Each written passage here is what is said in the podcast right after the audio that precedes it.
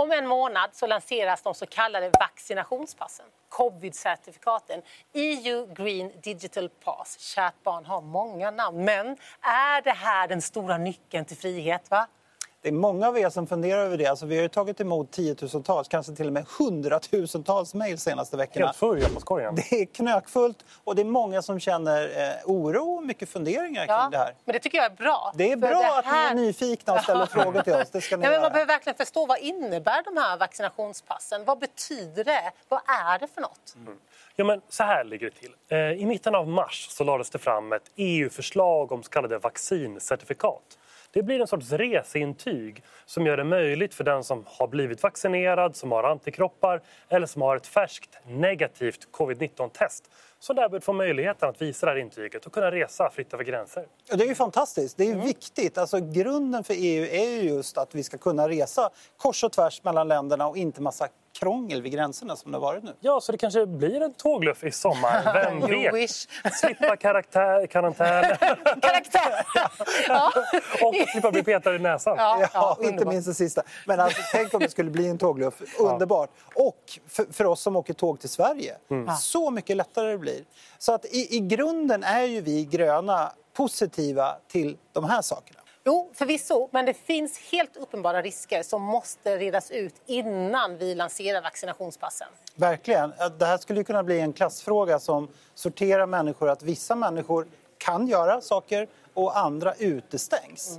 Eh, Alltså i, I grunden så handlar ju det här intyget just om att öppna upp och, och öka möjligheterna och, och att vi ska kunna passera gränser och så vidare.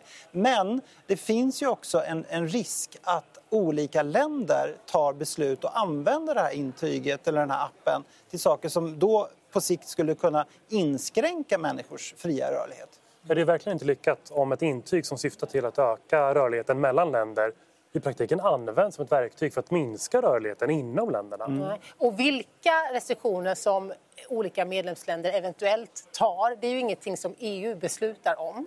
Men det vi bör ha på fötterna innan vi lanserar ett vaccinationspass, det är ju vilka konsekvenser det kan få på nationell nivå.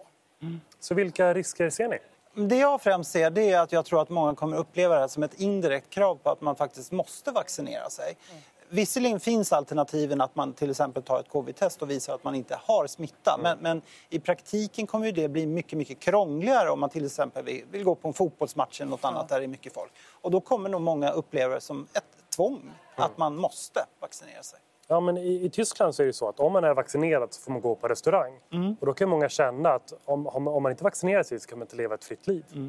Ja, jag är tacksam för och för vaccin. Jag är övertygad om att det är vaccinet som kommer ta oss genom den här pandemin. Håller verkligen med dig. Ja, men det är också ett fullständigt, 100% personligt val. Hur svårt den kan vara för mig att förstå någon som inte vill ta vaccinet så måste det vara upp till den individen att bestämma det själv.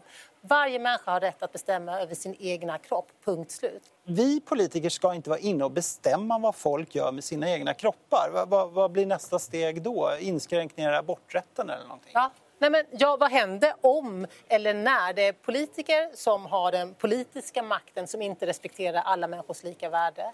Och vad kan det bli att man fyller de här vaccinationspassen med? Alltså, hela våra sjukjournaler, hur kommer det användas? Ska Ungern få rätt att stoppa människor vid gränsen beroende på vilken sjukdom man har eller inte har? Och en annan sak, något som vi gröna kämpade väldigt mycket för i förhandlingarna, det är ju det här att den dagen som WHO säger att det här är inte längre en global pandemi, då ska inte heller de här vaccinationspassen användas. Vaccinationspassen får inte bli det nya normala. Det, det nya normala möjligen däremot är att man ska tvätta händerna ofta och stanna hemma om man känner sig lite förkyld. Precis. Som ni märker, det här är en knepig fråga utan några lätta svar. Men vårt besked är i alla fall, vi är för vaccinen, vi är för vaccincertifikaten för att göra det lättare för människor att resa. För ni vet, öppna gränser.